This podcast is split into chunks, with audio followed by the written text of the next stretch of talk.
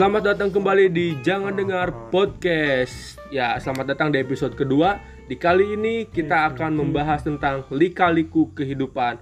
Masih bersama gua Mas Arif dan ini ada Ada gua Henry, biasa dipanggil Mas Gabut. dan ini gua Bang Enang Bang Ena. Oke, gua bertiga. Oh, gua bertiga lagi. Kita bertiga akan membahas tentang lika-liku kehidupan yang sekarang lagi terjadi di zaman sekarang lah ya. Masalah COVID-19. Jadi menurut pandangan masing-masing nih. Menurut Bang Hen, Bang Enang, gimana pandangannya masing-masing? Jadi gini nih, menurut pandangan gua ya, eh, selama corona ini susah ke mana-mana bro, eh jalanan ditutup, main susah, tidur juga susah karena nggak punya duit. Jadi kepikiran gitu ya. Iya kepikiran itu semua, itu semua gara-gara corona sebenarnya mah. Terus eh, ketemu temen juga susah, masa ketemu harus videoan? Gak seru gitu kan? Nggak. Tapi CS aja ya bang ya Hah? CS aja ya bang CS gak ada yang mau. Kalau menurut lu gimana nah?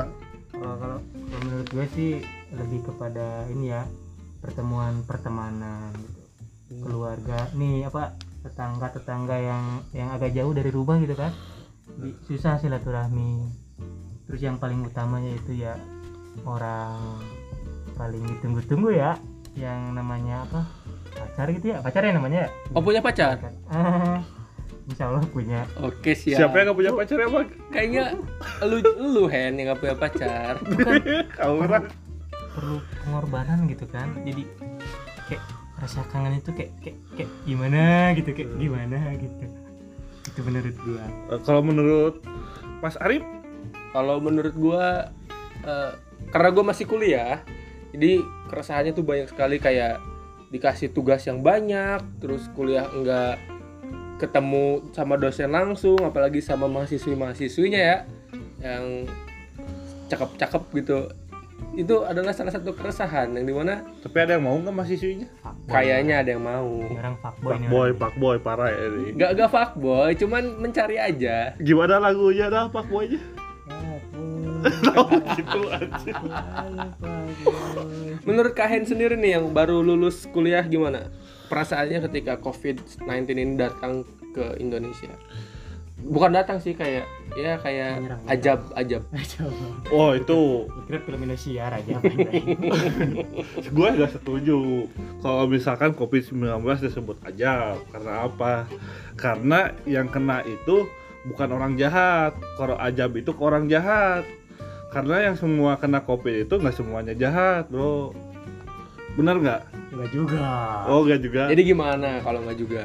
ya semuanya pasti dicoba lah. Yang namanya juga musibah gitu kan. Eh. gimana sih kan surga itu mahal. Ya itu musibah bukan ajab Tapi kalau kalau secara global nih COVID-19 ini kira-kira dampaknya kayak gimana gitu kalau secara global? Menurut Kahen gimana Kahen? kalau menurut segi ekonomi pandangan kacamata empat saya gitu ya. Gila. Gila nggak itu ya? Jadi gini, ekonomi itu yang pertama orang-orang banyak bro yang eh, udah dikeluarin PHK kerja gitu. Nah terus eh, gua juga sendiri belum kerja gitu ya. Gua kan kerjanya biasanya di BNI gitu ya, Apa itu Benny? bagian Ungan Imah. Gitu. Oke, Masa gua harus di PHK, PHK juga? gua nih, PHK dari rumah. iya, gua diusir coba. Aduh ekonomi, aduh ekonomi gua udah kacau banget sekarang bro, asli.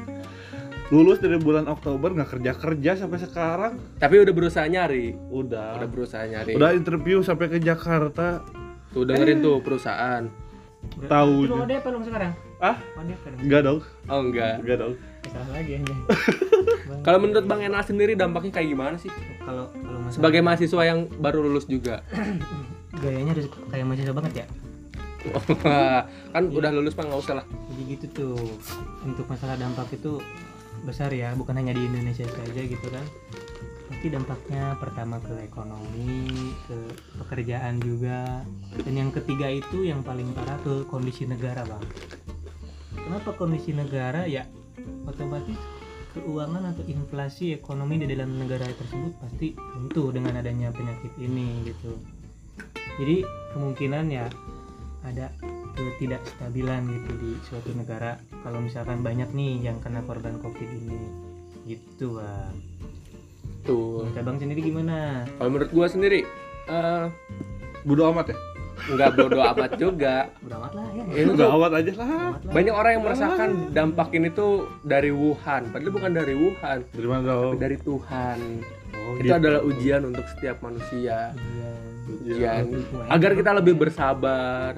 Agar kita lebih bisa menjaga bumi. Wow. Bumi agar bumi mendapat penghijauannya kembali. Tapi jangan resah juga karena kita PSBB apa itu namanya PSBB ya Persatuan Sepak PSSI Bola. Bandung Barat, Oh, Oke, cuy. Persatuan Sepak Bola Bandung Barat. Negara lain lockdown, bener-bener lockdown di negara kita PSBB aja belum dilakuin. Gimana tuh pendapatnya tuh? tuh nih ini gua mau nanya lagi tapi nih itu PSBB kira-kira segimana sih segimana bagusnya PSBB menurut kalian gitu kan Kalau menurut gua sih PSBB efektif nggak sih cuma enggak sih, enggak ya sama aja ya enggak. Soalnya gini, sebenarnya mah eh, bukannya nggak efektif juga gitu ya. Kan terutama jalan-jalan tuh banyak orang tuh katanya nggak boleh kumpul dari lima orang nih. Gua Betul. juga bertiga nih maksain. Betul. Asalnya mau 10 orang, eh 11 Betul. orang. Cuma nggak jadi gara-gara ya kita harus menaati peraturan gitu ya. Betul. Cuma kalau misalkan dilihat dari efektivitas kebijakannya eh, di situ dilarang berkumpul lebih dari lima orang dan di kendaraan pun yang beroda dua jangan lebih dari dua orang kalau misalkan eh, bukan satu KTP dan Kalau lebih benar kendaraan roda dua. kendaraan roda dua kalau lebih dari dua orang. Itu sirkus. ya itu kan biasa di tong edan gitu ya. Cabai-cabean pakai Lebih dari itu kan maksud gue itu. Kendaraan dua roda dua lebih dari dua orang itu sirkus. Lanjut lanjut. jadi intinya begini lu kalau naik motor kalau bukan satu KTP ya nggak boleh lah. Nggak boleh lebih dari satu orang gitu. Kalau nggak ada orangnya nggak bisa maju motornya. Iya itu. Itu. apalagi lu cabe-cabean naik motor bertiga berempat ya gak akan boleh lah. Iya bener. tapi di jalan raya itu ketika PSBB nyadar gak sih kalian? Eh kalau misalkan PSBB itu malah di jalan berkumpul orang banyak gitu ya. Apakah itu nggak menularkan penyakit Nah itu sendiri itu malah jadi kayak perlawanan masyarakat terhadap PSBB tersebut gitu. Yang harusnya masyarakat itu sadar kalau corona ini, corona ini udah bahaya sekali bahaya lebih dari bahaya karena virusnya tuh gampang tertular dari apa pun itu. Tapi ya gimana lagi ya orang-orang Indonesia khususnya di Jawa Barat gitu biasanya kayak gitu gitu. Jadi tidak karena ibaratkan Jawa Barat Sunda itu bobodorannya, jadi corona itu dianggap jadi bobodoran orang Sunda gitu. jadi efektif nggak sebenarnya sih? Nah, kalau kalau gue pandangannya gini bang. Efektif nggak? Efektif nggak? Ya kalau kata gue mah kurang sih. Kurang efektif memang betul. efektif. terus ada juga nih problem baru nih eh, mengenai PSBB dan lockdown gitu kan. Nah, yang gue tahu kan PSBB itu kan boleh beraktivitas gitu kan cuman dibatasi gitu kan? Betul. Ya, nah kalau misalkan lockdownnya itu kan nggak ada banget gitu kan. Di, ada nih di, di daerah gua nih ya di gang-gang kecil gitu kan nyampe ditutup di portal gitu kan. Sebenarnya banyak masalah baru kalau misalkan diberlakukan seperti itu gitu kan. Gimana kalau misalkan ada ojek online lah? Betul. ojek online yang ngantar makanan. Itu ya bayangin aja lu keliling-keliling gak dapet alamatnya udah di depan suruh jalan ke tempat apa ke tempat konsumen gitu kan. Betul, betul. suruh jalan itu kan beban banget gitu kan buat mereka. Jadi harus ada sosialisasi juga dari pemerintah apa itu PSBB dan apa itu lockdown gitu kan. Suka kebalik gitu lah. Tapi kalau menurut pandangan gua PSBB ini udah ada sosialisasi dari beberapa eh, elit negara lah ya, dibilang elit negara, pemangku kekuasaan. di pangku ya bang Ya, ya kayak Salbiduan. Tapi kayak kita tuh masih kurang paham gitu apa itu PSBB, apa itu lockdown dan lain hal gitu. Maksudnya PSBB itu kan emang tadi kita gak boleh eh, berkeliaran di luar batasnya yang sudah ditentukan, terus gak boleh berkendara banyak di roda 2, roda 4, mau odong-odong, mau apa pun itu gak boleh kan berkumpul dan banyak gitu. Jadi eh harusnya tuh kita lebih paham lagi gitu PSBB itu apa dan banyak juga orang yang gimana sama masyarakat menengah ke bawah yang tidak ada rumah segala macam dan menurut pandangan Bang eh, Kahen sama bang Enal ini gimana nih Jadi gini sih, yang gua bingung mah gitu ya. Di kota gua gitu ya. eh belum PSBB sih sebenarnya mah. Cuma penutupan jalan itu dari mulai jam 7 malam sampai jam 12 malam ya. Hmm, Yang betul. yang saya bingung itu kok emang corona nggak akan nyebarin gitu dari jam segitu doang gitu? Apa corona punya jam gitu? Kalau kalau siang nggak akan nyebarin gitu? kayaknya Indonesia udah punya tim survei sendiri. Dia udah tahu corona muncul jam berapa. Kayaknya gitu deh. Oh, jadi kalau corona misalkan nggak akan muncul pagi gitu cuma malam doang jadi tutup gitu. Pokoknya itu geblek. kayaknya wujudnya kayak manusia ya Misalnya, pagi beraktivitas malam istirahat Gitu ya. Ya sih saya bingung itu sih. bukan kayaknya gara-gara kalong.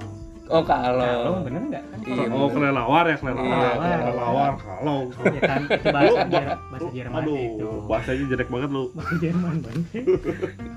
gara-gara kelelawar kenapa Iya, jadi aktifnya itu malam hari. Oh, Mungkin aktifnya malam itu hari. meureun ya. tapi karena nama kadinya meureun. ya bener gitu sih tapi mungkin buat kawan-kawan yang mungkin ada pendapat boleh di dimasukin ke kolom komentar ya Cuma gini sih yang terakhir sih dari gua sih gini. Eh, kita alhamdulillahnya masih tetap diberi kesehatan, kita masih dikasih rezeki untuk makan gitu ya. Banyak-banyak bersyukur lah kita. betul segini juga gitu ya masih bisa lah gitu untuk keluar beli bahan pokok gitu. Terus eh, kita masih jauh dari terhen- terhindar dari zona-zona yang emang benar-benar rawan eh, terhadap virus COVID-19 ini gitu. Betul. ya kita intinya harus bersyukur juga gitu ya. Eh, kalau misalkan eh, himbauan dari pemerintah ya coba kita taati aja sih yang sekarang harus dilakuin. Mah ada mau gimana lagi gitu kita bukan ahlinya, kita bukan jagonya, kita juga bukan para medis.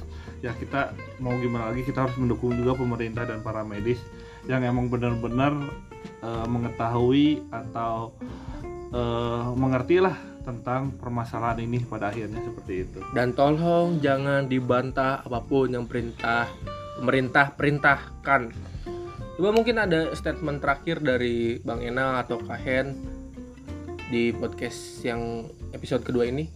Mungkin Bang Jenal tadi gua sudah ya. Bang Enal Bang Enal Ya, kalau gue mah ya masih menagih janji pemerintah sih bro. Sebagai orang pesimisme ya orang pesimisme terhadap kondisi negara ya. Nah, berarti ada pro, pro dan kontra ini ya? Sekali, itu harus ada. Pro kontra harus ada. Tinggal kita tunggu aja janjinya kayak gimana gitu kan. Ya semacam pemberian sembako prakerja yang diambil alih ya semacam seperti itu harus ada pertanggung jawab pertanggungjawaban juga. Itu. Salam pesimisme. Pesimisme terhadap negara sendiri. Ya, paling segitu saja sih. Yang udah dengar, terima kasih. Karena kalian dengar berarti kalian teman gabut kami. betul. Yang sudah dengar terima kasih sekali lagi. Yang belum dengar coba didengarkan lagi. Eh jangan dengar deh. Pokoknya jangan dengar podcast tapi kita akan ketemu lagi di podcast yang selanjutnya. Tetap di jangan dengar podcast dan jangan lupa di follow di Spotify dan Instagram. Jangan dengar podcast. Terima kasih. Yo.